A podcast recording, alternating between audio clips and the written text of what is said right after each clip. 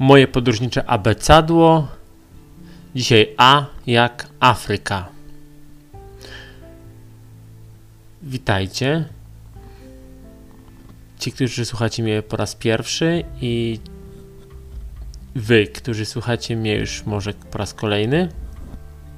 Dzisiaj postanowiłem odnieść się do moich kilku pobytów na kontynencie afrykańskim, stąd będzie to audycja troszkę bardziej ogólna. Z krajów afrykańskich odwiedziłem pięć z tak zwanej czarnej Afryki i dwa kraje arabskie. A więc y, w 2000, na przełomie właściwie 11 i 12 roku, bo pojawiłem się pod koniec grudnia 2011 w Afryce. Odwiedziłem Afrykę Wschodnią, część e, wspólnoty wschodnioafrykańskiej. Była to Uganda, Tanzania, Kenia, oprócz tego Zambia. Później w drodze powrotnej odwiedziłem Egipt, a dokładnie Kair i Gizę. Następnie w 2014 roku w listopadzie Maroko i na przełomie października i listopada 2015 roku była to Etiopia. Oczywiście o Afryce wiedziałem dużo, nawet bardzo dużo, szczególnie o przyrodzie. Yy, interesowałem się Afryką od dziecka. Yy, już jako paroletnie dziecię oglądałem wtedy jeszcze na telewizorze czarno-białym, bo takowy był w mojego brata pokoju. Jako, że w salonie był kolorowy rubin, yy, czyli marzenie większości telemaniaków Polski Ludowej u jej schyłku. No ale z reguły wtedy drugim telewizorem w domu był e, odbiornik czarno-biały. Coś, czego młodzi ludzie dzisiaj nie pamiętają. Nie wiedzą nawet często, co to jest telewizor czarno-biały. A że z kineskopem jeszcze taki wielki, a że jeszcze w drewnianej obudowie też w ogóle. No w każdym razie oglądałem wówczas już programy przyrodnicze, bardzo to lubiłem. Szczególnie te e, realizowane przez Sir Davida Attenborough i oczywiście czytane przez Krystynę Czubównę, bo ona moim zdaniem robi to najlepiej, jeżeli chodzi o firmy przyrodnicze, dokumenty przyrodnicze. Później ta e, ciekawość, e, jakby zainteresowanie tym kontentem się rozwijało. Były książki, były audiobooki, między innymi Wilbura Smitha. E, nie było wówczas jeszcze żadnych książek podróżniczych na moim koncie przeczytanych czy odsłuchanych. Te pojawiły się dużo, dużo później. A tutaj najbardziej lubię chyba książki Arkadego Fidlera. Czytałem też słynną książkę Kazimierza Nowaka, Pieszej rowerem przez Afrykę, ale nie dałem rady przesłuchać jej do końca. Sobie odpuściłem. Też oczywiście wiele książek fabularnych e, z Afryką w tle, wiele firm, filmów. E, w latach 80. i 90. był taki słynny serial, wtedy słynny, Daktari o, o weterynarzu. Swoją drogą kręcony był w Arusha National Park, tego wówczas nie wiedziałem. Więc to było słynna tam szympansinica Judy, e, Zezowaty Lew, Także, także to też jakby ta, to były bardzo fajne. Mm, no dużo takich było właśnie filmów, y, czy dokumentalnych, czy, czy fabularnych, czy seriali, które tej Afryce mm, były poświęcone, stąd moje zainteresowanie było duże. A dlaczego się wybrałem w 2011 roku? Ano dlatego, że w lipcu 2011 roku przyłączyłem się jako wolontariusz do wydarzenia które nazywało się Glocal Tour. Cały świat w Twoim mieście, tak się nazywała, to była wystawa swojego rodzaju w mm, naczepie mm, zorganizowana, a wtedy była umiejscowiona akurat w Gdyni przy już nieistniejącym centrum Gemini. Ono miało swoje cztery odsłony w Polsce i trzy chyba międzynarodowe, bo to była e, wystawa polsko-rumuńsko-włoska, z tego co pamiętam. Więc Ewa była koordynatorką tego, jako że wcześniej była na misji w, w Zambii, wysłana przez y, Salezjański Ośrodek Misyjny z Warszawy. Był tam też Tomek, który też był e, wolontariuszem czy współkoordynatorem tej wystawy, a wcześniej był wolontariuszem również w Afryce. E, nie pamiętam gdzie dokładnie. Prawdopodobnie to była um, Uganda, ale już dziś tego nie pamiętam. W każdym razie mm, przyłączyłem się jako wolontariusz. Swoją drogą poznałem tam dużo ciekawych ludzi w trakcie tego e, trwającego miesiąc e, gdyńskiego etapu wystawy, z którym dzisiaj mam kontakt. Serdecznie pozdrawiam Gosię, Adriana, Angelikę, e, którzy byli również jak ja wolontariuszami. Mm. I Ewa, e, ta wystawa Local Tour kończyła się w Gdyni w połowie sierpnia, a Ewa jakoś w połowie września, czy pod koniec, już nie pamiętam dokładnie, ale coś takiego, miała wyjechać do Ugandy, do Kampali, stolicy tego kraju, do małej organizacji pozarządowej, mm, wysłana przez Polską Akcję Humanitarną, właściwie z ramienia akcji humanitarnej, ale przez niemiecką organizację GLEN. Miała tam być 3 miesiące. I tak się złożyło, że ona wyjeżdżała jakoś we wrześniu, ja na przełomie września i października wyruszyłem do Indii na dwa miesiące. Pierwotnie później miałem być miesiąc jeszcze w podróży po Azji Południowo-Wschodniej, ale że były problemy komunikacyjne z Ewą, no to wróciłem do Polski. Bo właśnie był plan, żeby na koniec grudnia, kiedy Ewa już swój projekt zakończy, dołączyć do niej i zwiedzić autostopem Afrykę Wschodnią. Bilety ostatecznie kupiłem w święta Bożego Narodzenia, a 28 grudnia rano wylatywałem z warszawskiego Okęcia do Egiptu, do Kairu, gdzie się przesiadałem na kolejny samolot do Kampali, właściwie do Entebbe, to jest miejscowość oddalona trochę od Kampali, ale tam jest jedyne międzynarodowe lotnisko przyjmujące takie no, duże linie lotnicze. Plecak był już dużo mniejszy niż ten, z którym podróżowałem po Indiach. E, była też torba oczywiście z laptopem, ale wszystko razem było dużo, dużo mniejsze i dużo, dużo lżejsze niż to, co było przed wylotem do Indii i to co ze sobą przywiozłem. Dużo mniejszy plecak główny, bo 75 litrów, a nie ponad 100. Duży, plecak mniejszy był ten sam, ale on najczęściej e, był włożony do dużego plecaka. Więc generalnie podróżowałem z jednym plecakiem i małym chlebaczkiem, tak, tak zwanym chlebaczkiem, taką torbą bawełnianą wojskową na ramieniu, która, którą też miałem w Indiach. E, bo w Indiach to oczywiście miałem i dwa plecaki, torbę czasami, ale głównie dwa plecaki. Także wylądowałem e, w Kairze jakoś po południu. 4 godziny przesiadki. Bardzo fajnie się mną zaopiekowano.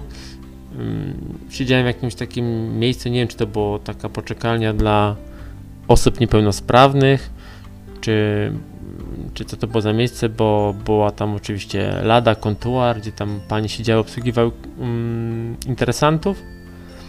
Ja sobie siedziałem z tyłu na, na krzesełku, zabijałem czas e, słuchając audiobooka Prawdziwe Męstwo.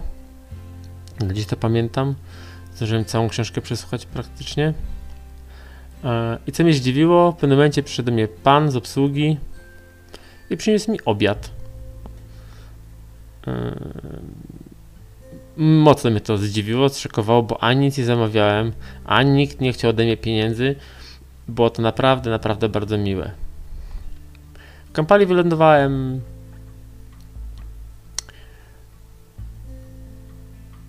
nad ranem 29 zdaje się, albo 30, kurczę, już nie pamiętam dokładnie, ale jakoś tak grudnia i to było pierwsze moje zderzenie z Afryką. Eee, bardzo na europejskie realia prymitywne lotnisko. Dużo prymitywniejsze niż te, które później spotkałem w, na, na którym lądowałem w,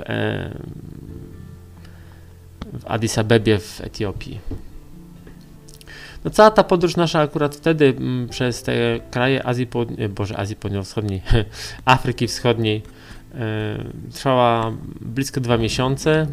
Podróżowaliśmy głównie autostopem, czasem autobusem, jak nie było innej opcji, ale podróż była naprawdę niesamowita, niesamowita oczywiście przez krajobrazy, spotkane zwierzęta, ale też niesamowita przez ludzi, których spotkaliśmy. Było parę wpadek, jak zawsze, ale ludzie byli niesamowici. Nawet ludzie nam łapali stopa albo łapali nam autobus, jak nie mogliśmy nic znaleźć, także mm, nieraz byliśmy w sytuacji podbramkowej. No, w Zambii akurat byliśmy nielegalnie, bo chcieliśmy zaoszczędzić na wizie, więc e, jechaliśmy, wjechaliśmy tam pociągiem Tazara, jednym z niewielu pociągów, które jeżdżą w Afryce a że jesteśmy białasami, to nikt nawet w pociągu nie pomyślał, żeby sprawdzić nasze paszporty, czy mamy wbitą wizę. No i później, jak już byliśmy bez tej wizy, to niespecjalnie się o nią staraliśmy. Na powrocie był problem, ale uratował nas e, finał e, mistrzostw piłkarskich mistrzostw Afryki więc udało nam się wrócić do, do Tanzanii również nie, nie, nie, potrzeb, nie, nie, nie, nie opłacając kolejny raz wizy tanzanijskiej. E, Zamiast byliśmy też kilka dni, tylko dlatego, że Ewa chciała odwiedzić swoją e, dawną misję w Mansie, ale o tym innym razem. Mm, będzie to Z jak Zambia. E, Tanzanię i Ugandę najwięcej, e, najdłużej mm, najdłużej, mm, najwięcej, najdłużej, wszystko było naj, bo spędziliśmy tam praktycznie dwa miesiące. Kenia to już było w ogóle na koniec i to było tylko chyba dwa albo trzy dni tranzytem, żeby wrócić szybko do Ugandy, bo mieliśmy deadline w postaci lotu powrotnego. Ewa do Berlina przez chyba Stambuł, ja znowu przez Kair do, do Warszawy. Um, odwiedziliśmy również Zanzibar, E, pojechaliśmy tam tylko po to, żeby e, uczestniczyć w niesamowitym muzycznym festiwalu Sauti Sadusara, e, Głos Mądrości, Voice of Wisdom z angielska. Tam nas prawie morze pochłonęło, właściwie Ocean Indyjski, przez naszą niefrasobliwość. Spacerowaliśmy po, se, po, se, po, se, po sawannie w Serengeti National Park, co też nie było mądre, ale łapaliśmy tam stopa i, i, i tak wyszło, że sobie chodziliśmy po buszu, częściowo, częściowo po sawannie. Mm, Ewa się bała lwów, e, chciała stać w miejscu i nie ruszać się, bo może przyjdzie lew, no ale co to robiło lwu, czy my stoimy, czy, czy idziemy zobaczyłem coś, co było sednem jakby wyjazdu do Afryki, czyli zobaczyć słonie, rodzinę słoni i to było niesamowite. I to było tuż przed wyjazdem już z jedynego parku, który w sposób y, nazwijmy to legalny odwiedziliśmy w Tanzanii, to był Lake Manyara National Park, mm, bo w Serengeti byliśmy no nie przez cały park przejechaliśmy, tylko byliśmy jakby na jego obrzeżach, dojechaliśmy do zarządu Parku Narodowego, trochę wiedzieliśmy, no bo nie chcieliśmy, znaczy ja byłem skłonny wydać te, te pieniądze, a taki był trochę między nami też dysonans między mną i Ewą. E, ona była zainteresowana bardziej ludźmi, ja bardziej przyrodą i, i tak musieliśmy się jakoś dogadywać. Stąd ostatecznie jeden park odwiedziliśmy. Więc były tam słonie, były oczywiście hipopotamy, był lew na drzewie, no ale najważniejsze były te, te słonie. Oczywiście po raz kolejny złamałem zasady, wylazłem z samochodu, czego nie wolno robić pod groźbą mandatu i, i w ogóle tam poważnych komplikacji prawnych. No ale chciałem mieć zdjęcie ze słoniami w tle, więc wylazłem z samochodu niedaleko, bo chyba na metr czy dwa, ale, ale zawsze. To kolejne moja niefrasobliwość i w jakimś sensie nawet głupota chyba, no ale niestety dla zdjęć lubią, ludzie robią głupie rzeczy i to jeszcze nie była najgłupsza, którą w życiu zrobiłem. Mm.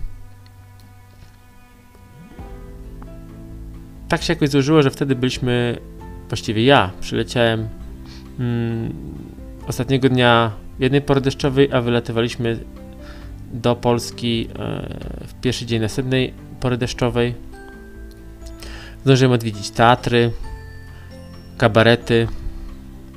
Byliśmy nawet na przypadkiem, bo przypadkiem, ale na takim zgromadzeniu e, chrześcijańskim mm, społeczności, czy jak to się nazywa, e, wspólnoty modlitewnej Odnowy w Duchu Świętym, której liderem akurat w Ugandzie jest ojciec John Bashobora, znany w Polsce z występów na stadionie dziesięciolecia, e, Boże, narodowym chyba już wtedy to było.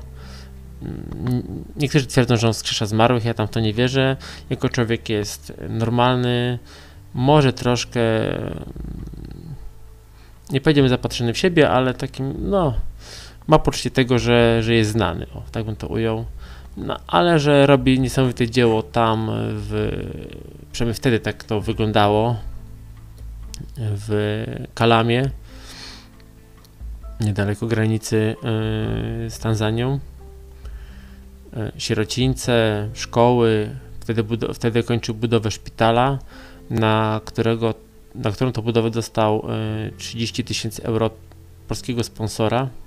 Zresztą po raz pierwszy to on pojawił się w Gdyni, bo został zaproszony do, do Polski, ale to zaproszenie jakoś wygasło. Ostatecznie przyjęły go siostry mm, zakonne w Gdyni i Franciszkanie. Było wiele to już lat temu. Także to kolejny, powiedziałbym, że wyjątkowy człowiek spotkany z takich bardziej znanych. Mm. Afryka to było dla mnie trochę trudne na początku, mm, bo mówi się, że Afryka to Hakuna Matata i coś w tym jest, bo jak rozmawialiśmy z wieloma ludźmi, no to tam jest naprawdę wiele problemów. W Afryce się praktycznie nic, nic nie przetwarza. Jak usłyszeliśmy, że mm, Uganda będzie eksploatowała swoje złoża ropy naftowej, no to tak w rozmowie z kimś skomentowałem, no to będziecie teraz mieli y, tańszą benzynę, będzie, będzie łatwiej wam się żyło, a człowiek mi odpowiada nie, bo my nie mamy rafinerii. Także nasza ropa musi iść do Mombasy, do rafinerii w Kenii, dopiero potem wrócić do nas, więc cena nie będzie wcale niższa, więc takie trochę to po pierwsze. Po drugie, drugie zderzenie to produkcja kawy kakao, czyli surowca, e, ale nie produkcja czekolady, czy kakao do spożycia, czy też kawy do spożycia. A oni tam bardzo lubią na przykład kawę rozpuszczalną, przynajmniej wtedy tak było, bo pamiętajmy, że to było no, prawie, to było 8 lat temu. Więc, a, a małe opakowanie Nescafe, takie 100 gramowe, wtedy kosztowało tyle tam w Ugandzie czy w Tanzanii, co u nas 200 gramowe. Mm, czekolada, taka zwykła tabliczka 100 gramowa, nawet polskiej firmy Teravita, którą znaleźliśmy z mm, Ewą w supermarkecie, jedynym takim dużym supermarkecie w, w Kampali w Ugandzie. Kosztowała przeliczeniu wtedy 12 zł za zwykłą tabliczkę 100 gramową. Już nie powiem ile kosztowało opakowanie kabanosów Krakusa, które też znaleźliśmy w tym samym supermarkecie, bo cena była porażająca. Za to, za to kremy ziai również w tym samym supermarkecie znalezione przez nas, już były w bardziej rozsądnej cenie. Tam jest bardzo biednie, ale też jest bardzo bogato, to zależy dla komu.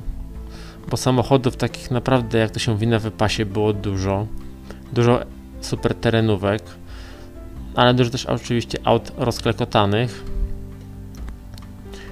W Afryce pobiłem swój rekord ilości osób w samochodzie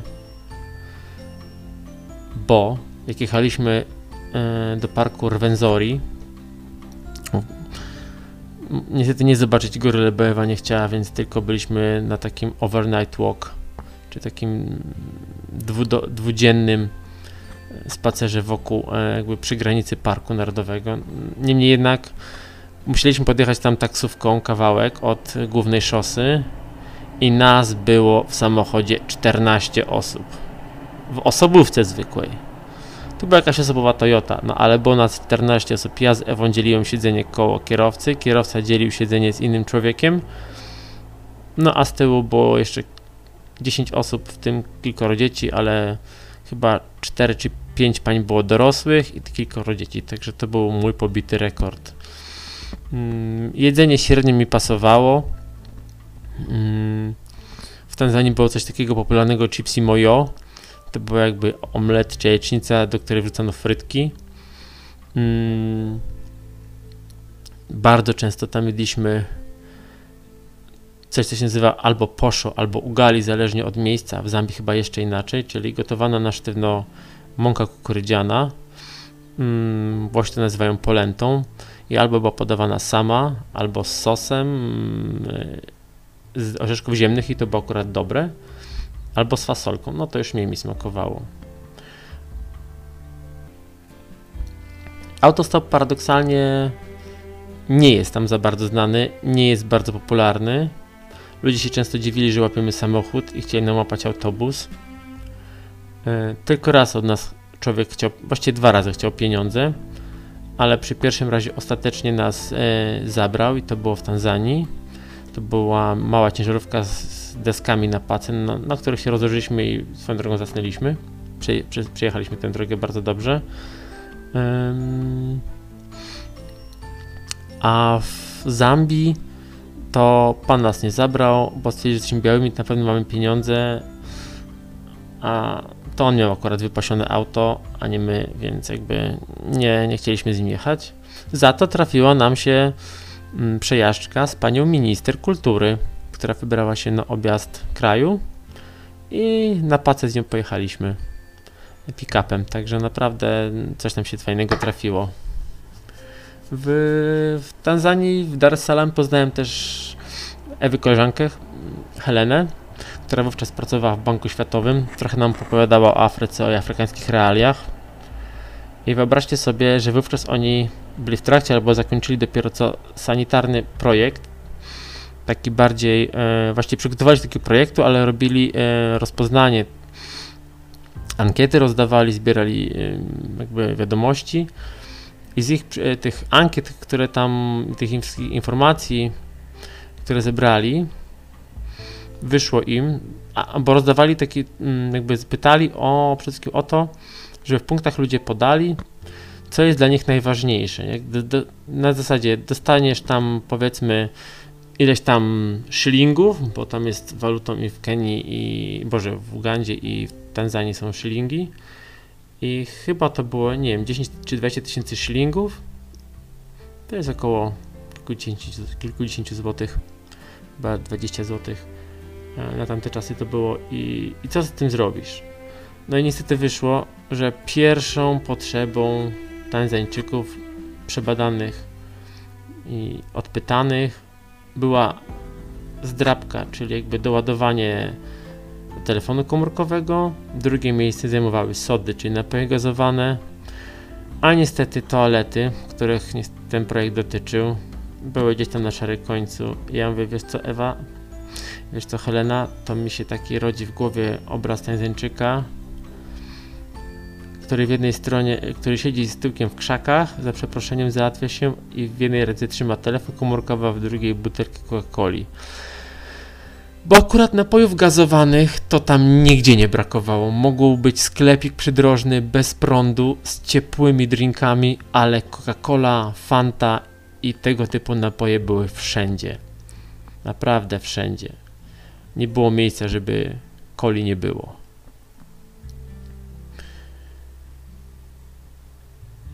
Były oczywiście inne tam jeszcze mm, tematy kulinarne.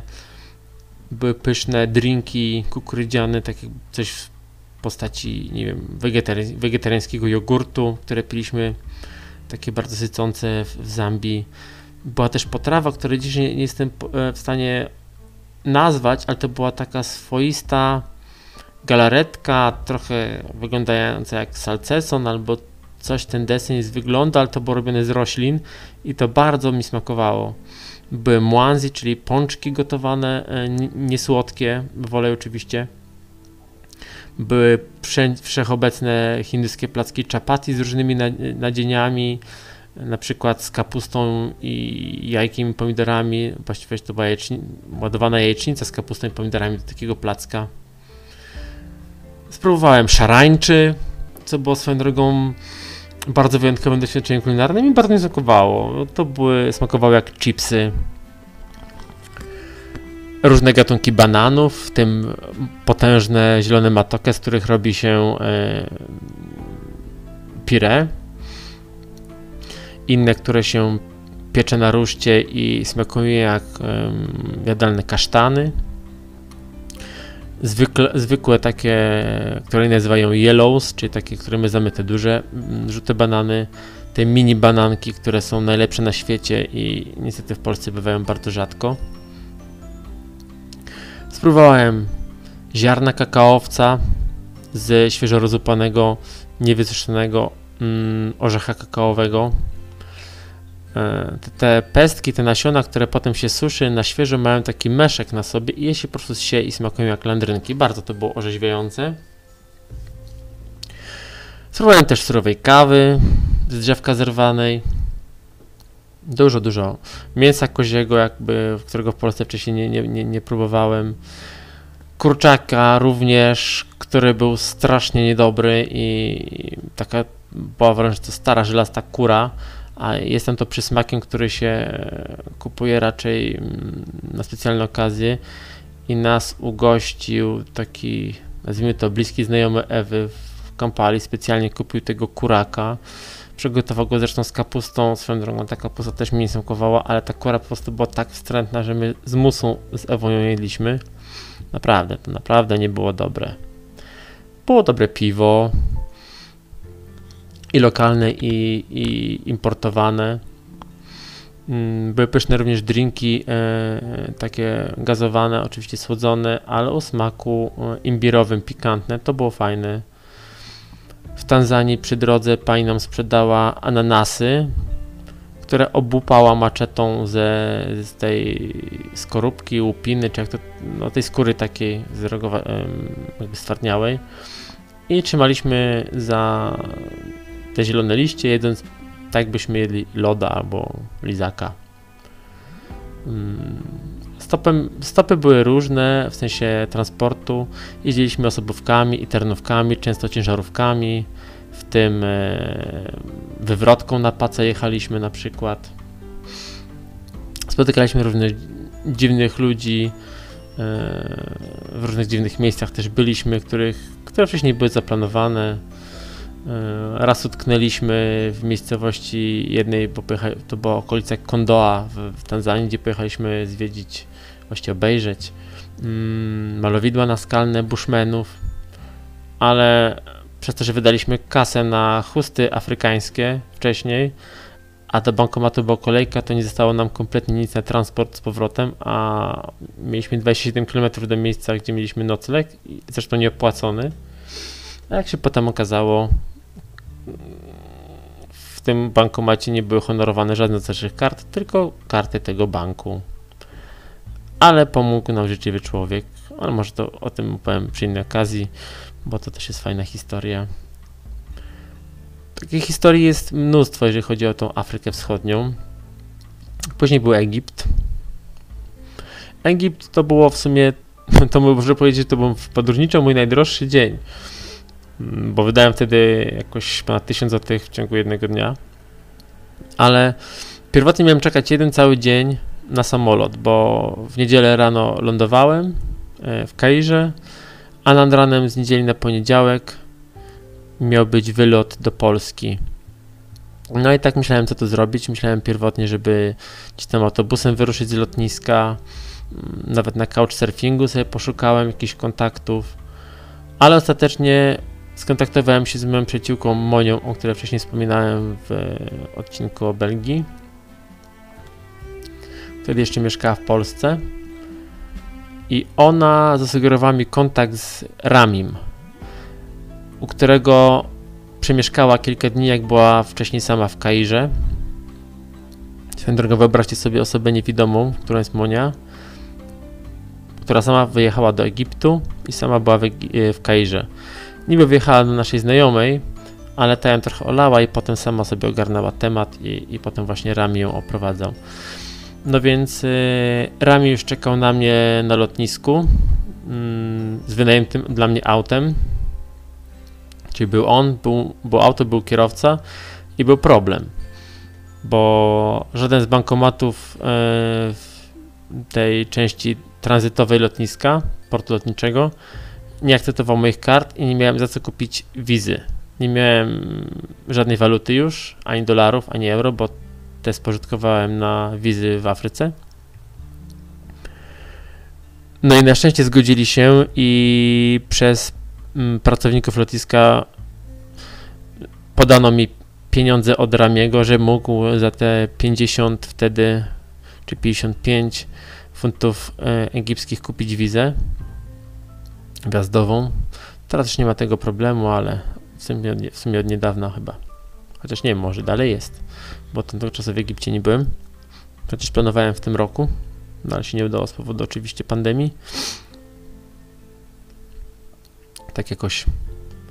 No w każdym razie pojechaliśmy z, pierwsze co z Rami i tym kierowcą i jeszcze chyba Ramiego, czy tego kierowcy, siostrzeńcem, czy bratankiem, jakimś nastol takim nastolatkiem. Najpierw pojechaliśmy do centrum, do kościoła koptyjskiego, nad Nil.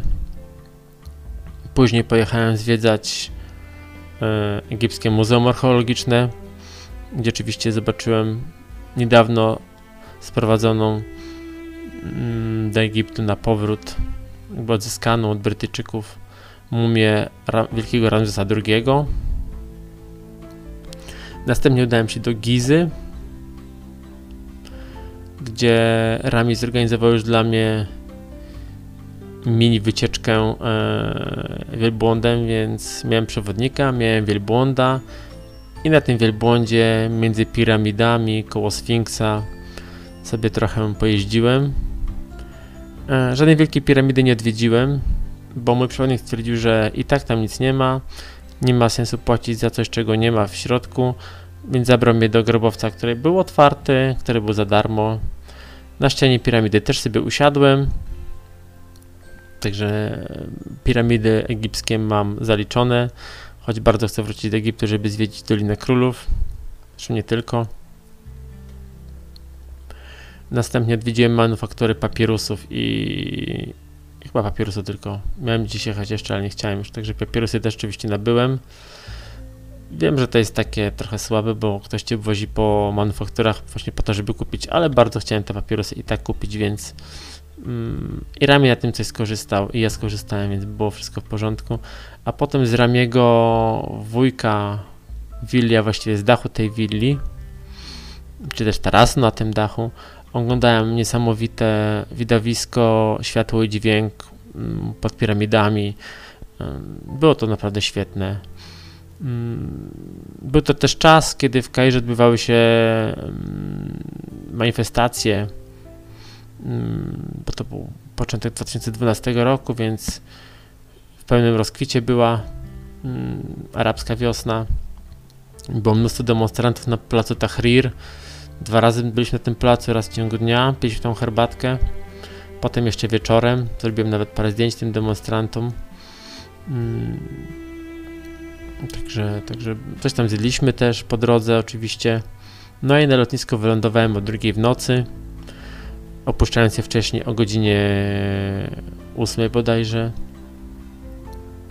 Po drodze jeszcze były zakupy, mm, jakieś drobiazgi, oczywiście jakieś magnesy, dla mojej mamy jakieś suknie, których nigdy nie założyła, dla mamy też i dla, dla kuzynki chusty, mm, hijaby w sensie, oczywiście baklawy, Także potem już na lotnisku był trochę problem, bo asystent przyszedł po mnie bardzo późno, więc nawet nie zdążyłem nic się napić, nic zjeść.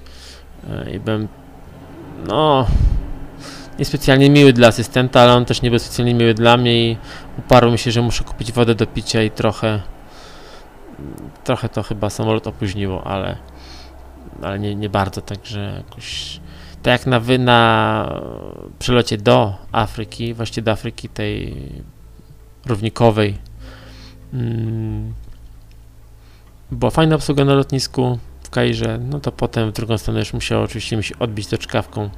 Oczywiście też w Ugandzie pokonałem pierwszy raz w życiu równik.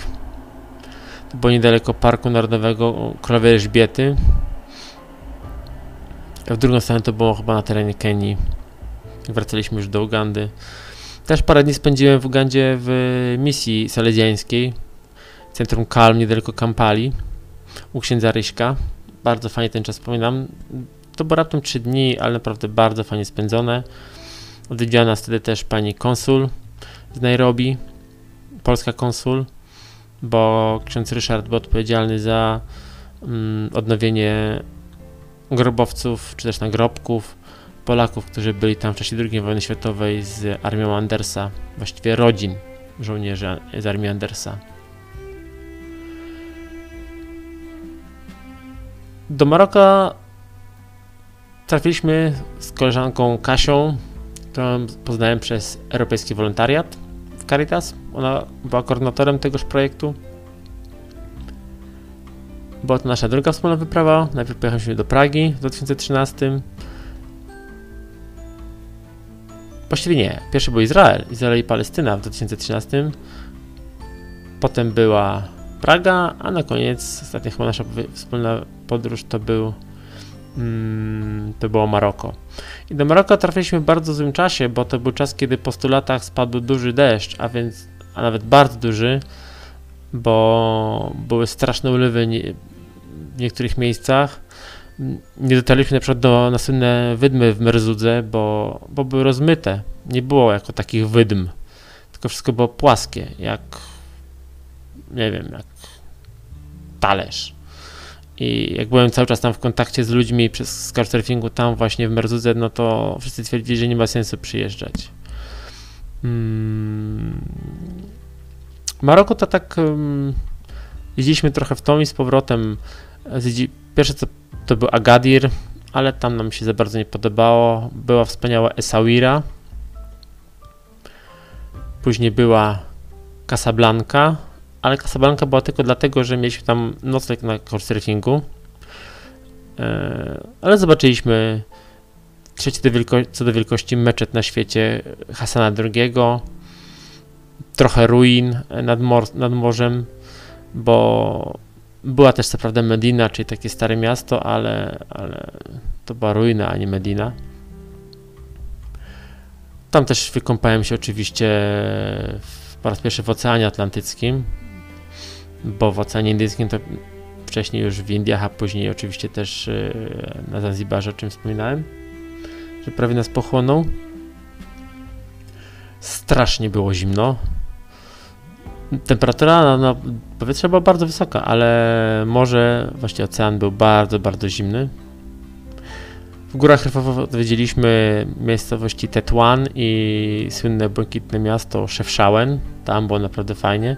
Problem był w tym, że wszędzie było deszczowo. No, deszcz padał praktycznie codziennie. Także nie nacieszyliśmy się jakąś super piękną pogodą. E, byliśmy też w Fezie, gdzie jest największa Medina tak zwana żyjąca Medina, czyli tam, gdzie po prostu na co dzień mieszkają ludzie, a nie tylko jest skansenem, czy też mm, sterówką dla turystów. Tam też się rozchorowałem. To był pierwszy raz, kiedy w podróżach miałem, w sumie do tej pory pierwszy i ostatni raz, kiedy w podróżach miałem problem, bo do Fez do, dojechaliśmy z innej miejscowości.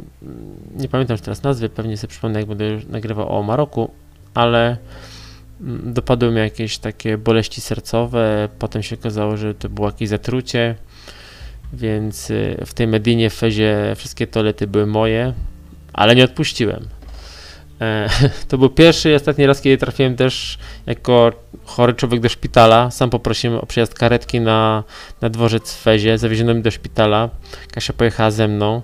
W tej karetce było nic oprócz mnie i sanitariusza, a po drodze jeszcze zgarnęliśmy człowieka, motocyklistę z wypadku.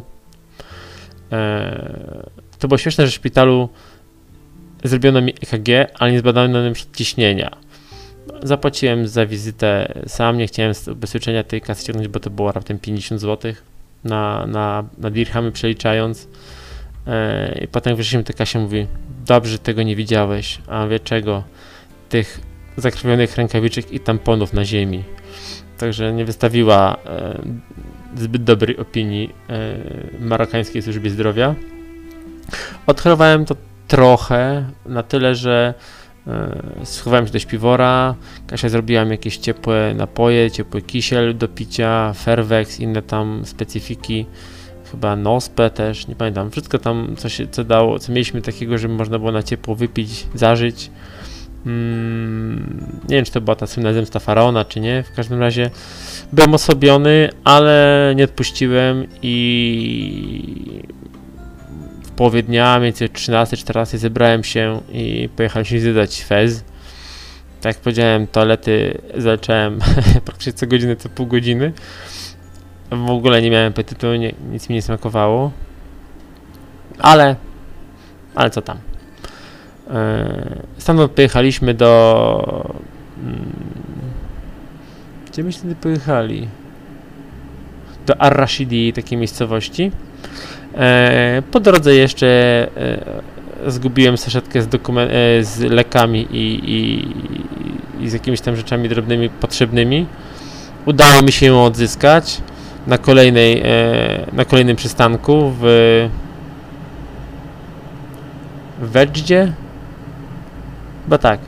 Mm, w każdym razie e, na tej stacji, z której, gdzie wysiedliśmy, zgłosiłem na policję, że łom, mieszanym angielskim, hiszpańskim, francuskim, że torbę zgubiłem. No i potem dali mi znać, że, że została w autobusie znaleziona i, i, i w następnej miejscowości właśnie odzyskałem ją, więc kolejna wpadka Radosława. Później było, była, był Warzazat, ale go nie zwiedzaliśmy, była Zagora, bo chcieliśmy na pustynię pojechać. Ale nasz couchsurfer, który był naszym kontaktem, tam był strasznie, no był strasznie niefajnym człowiekiem, był strasznie upierdliwy, mówiąc brutalnie. Ciągle coś od nas chciał, ciągle chciał coś nam organizować, a to safari na, na pustynię, jakieś wielbłądowo, um, jeepowe, że tak się wyrażę. Potem oczekiwał od nas prezentów w postaci telefonu i tableta. Mm, no, był bardzo dziwnym człowiekiem. Staraliśmy się go pozbyć, ale nie bardzo nam to wychodziło. Y, nie zamieszkaliśmy u niego tylko w hotelu ostatecznie. W takim hotelu klasy B albo C, ale nie było źle, było czysto i było ciepło. Także było, było dobrze. No, potem jeszcze było, był Marrakesz fantastyczny swoją drogą, bardzo nam się w Marrakeszu podobało. Turystycznie to, to prawda wspaniała Medina, wspaniały suk. Tam byliśmy dwa dni chyba.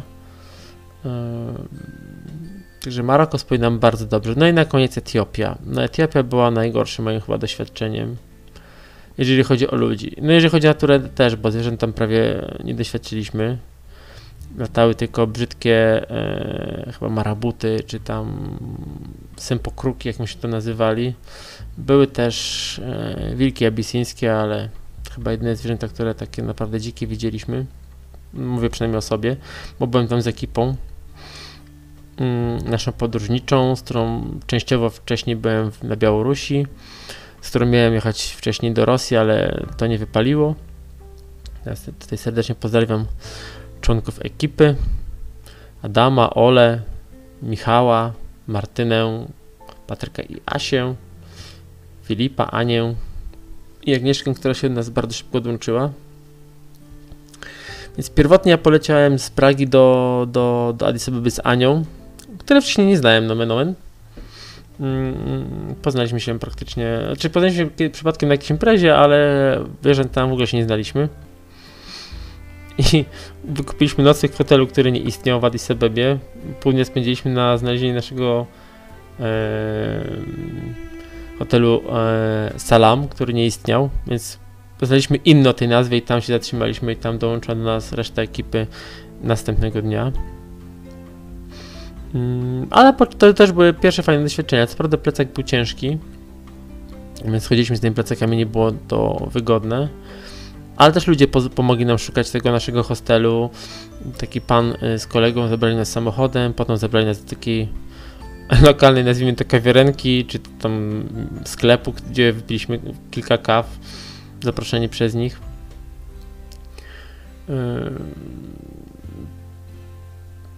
Planowaliśmy też zwiedzić Djibouti, ale niestety nam się nie udało, bo w Addis Abebie nie udało nam się załatwić wiz chociaż wszyscy mieliśmy przygotowane środki na te wizy.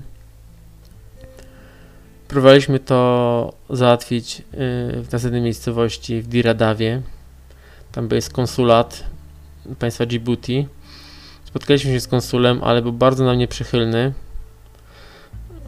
Y, ciągle się dopytywał, dlaczego chcemy jechać lądem, a nie chcemy lecieć samolotem. Oczywiście chcieliśmy zaoszczędzić, bo autobusy są dużo tańsze.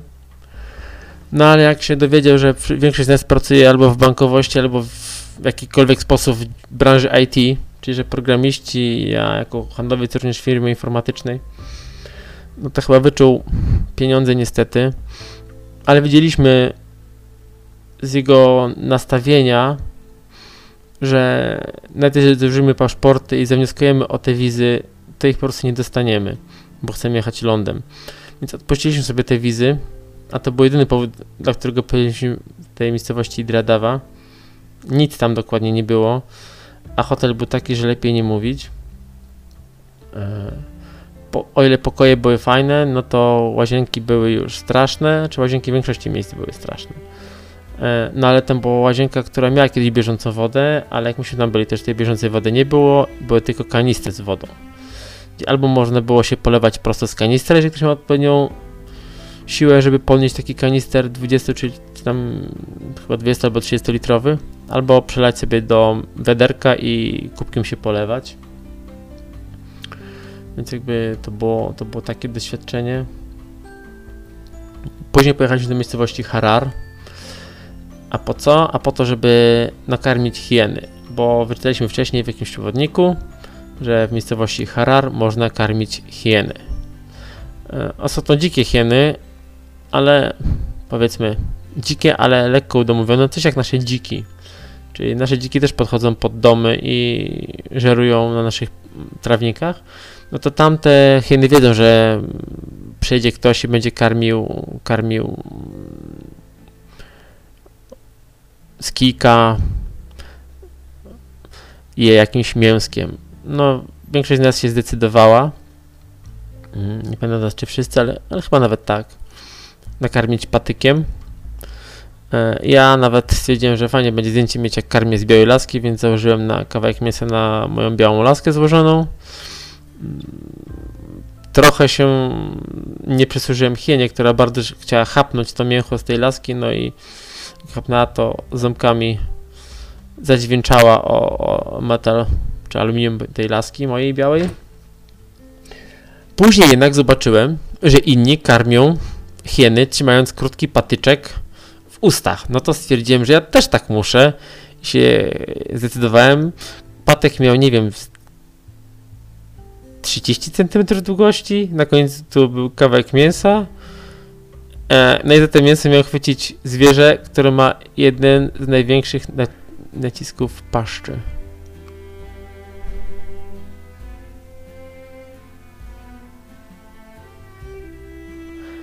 Także bałem się, ale mimo wszystko, ale mimo wszystko się zdecydowałem. Później były wspaniałe świątynie wy, yy, wyrzeźbione w skale w Lalibeli. Była stara stolica Gondar. Były góry Simien, które, spędzi, które zwiedziłem konno, bo no nie dawałem rady nadążyć za, za członkami ekipy pieszo z plecakiem, więc sobie po prostu odpuściłem i, z, i, i zwiedzałem, e, czy też zwiedzałem, zwiedzałem góry Simien konno 3 dni. Trochę mnie tyłek bolał, bo nie miałem wcześniej doświadczenia w tak długiej jeździe konnej, tym bardziej na siodle, które było drewniane, lekko obciągnięte tylko tkaniną, a, a nie takie jak miałem okazję przetestować mm, u siebie na Pomorzu, czy to westernowe siodło, czy tak zwane angielskie. Ale było to fajne doświadczenie, tylko że spodnie musiałem prać trzy razy, żeby się pozbyć zapachu ko konia, no ale generalnie było to fajne nowe doświadczenie. E, tam też oczywiście były ulewy codziennie w górach, codziennie padało po południu, to też było jeden z takich mankamentów tego, tej, tego, tej wycieczki w góry. Było tam też mniej fajnych sytuacji z ludźmi, szczególnie tam właśnie w górach. Później był Bahir Dar, jezioro Tana, nad którym leży to, to, to, to, to właśnie miasto i źródło błękitnego Nilu. No i na powrót Addis Abeba. Po drodze jeszcze przy koło Bahirdar pojechaliśmy na jakieś wodospady, ale tam też przy, przy tej okazji mieliśmy bardzo niefajne zderzenie z lokalesami. Tak jak powiedziałem, z tych krajów tak zwanej czarnej Afryki, czyli Ugandy, Tanzanii, Kenii, Zambii, no i Etiopii, które widziałem, Etiopia najmniej mi się podobała. Największa bieda tam, to po pierwsze. E, no ale ludność mało przychylna, na każdym kroku chcieli zarobić, ale często oszukując. E, na przykład w menu były jedne ceny, na rachunku były inne. W hotelu na przykład naszym w Addis Abebie się okazało, że dla białych są inne ceny, dla lokalnych ludzi są inne ceny. Mm. E, także no, było takich dużo sytuacji mniej fajnych. Mm, nasza koleżanka na została opluta w autobusie przez kolesia, który chciał nas oszukać na biletach autobusowych. No dużo było takich sytuacji bardzo niefajnych. Mm, na transporcie też różne tam z transportem sytuacje bywały. Także obiektywnie mówię, że Etiopia nie jest krajem, do którego wrócę na pewno z chęcią. Chyba, że będę musiał z jakiegoś powodu, no to może, ale raz mi wystarczyło. Mm, transport jest tam w miarę dobry, ale co z tego? E, nawet metro mają swoistego, to jest takie bardziej metro nad, nad, nadziemne, no ale mają, mają pociąg miejski, czy tam, nie wiem jak to nazwać, nawet tak jak my mamy SKM, tak oni mają swoje metro w Addis Abebie, budowane przez Chińczyków, jak prawie wszystko w Afryce. Powiadam szczegółowo jeszcze a propos każdego kraju, czy nawet części kraju w innych e, audycjach, tutaj miał być generalnie Afryce i tak się rozgadałem. E, bardzo chcę do tej Afryki wrócić, no, tak jak na początku miałem problem ze zrozumieniem Afrykańczyków, to potem zaprzestałem tego, e, tego robić, bo ich się nie da zrozumieć. Ja jako biały człowiek, wychowany w dużym mieście, z darmowym dostępem do edukacji, służby zdrowia, może i kulejącej, ale, ale darmowej, do darmowym dostępem do uzyskania wyższego wykształcenia, z możliwością kupienia praktycznie wszystkiego e, w sklepie i to za takie po takich cenach, które jestem w stanie zapłacić. E, czy to nawet biorąc, jak coś jest droższe na raty, ale, ale normalnie, jeżeli chodzi o żywność, to wszystko, na wszystko możemy sobie pozwolić, a tam, tam to funkcjonuje wszystko inaczej. Mm, tak jak podejście do czasu też, jak to oni mówią, w stosunku do nas Europejczyków, czy do nas ludzi z zachodu, bo na przykład jest w Afryce Wschodniej określenie muzungu, które mnie strasznie irytowało, bo to znaczy generalnie biały, ale niekoniecznie, albo w wydaniu negatywnym, albo takim powiedzmy neutralnym. No w Etiopii to się nazywa Ferengi na przykład, takich ludzi jak my, y, ale generalnie, ja mówię tak, wy macie zegarkiem, mamy czas, no i coś w tym jest. E, tak jak wspomniałem, nie ma tam przemysłu, e, więc oni wszystko wysyłają na przykład do Europy, te ziarna kawowe i, i kakaowe, a kupują później czekoladę i kawę. Mm, w Zambii na przykład wszystko importują z Afryki Południowej.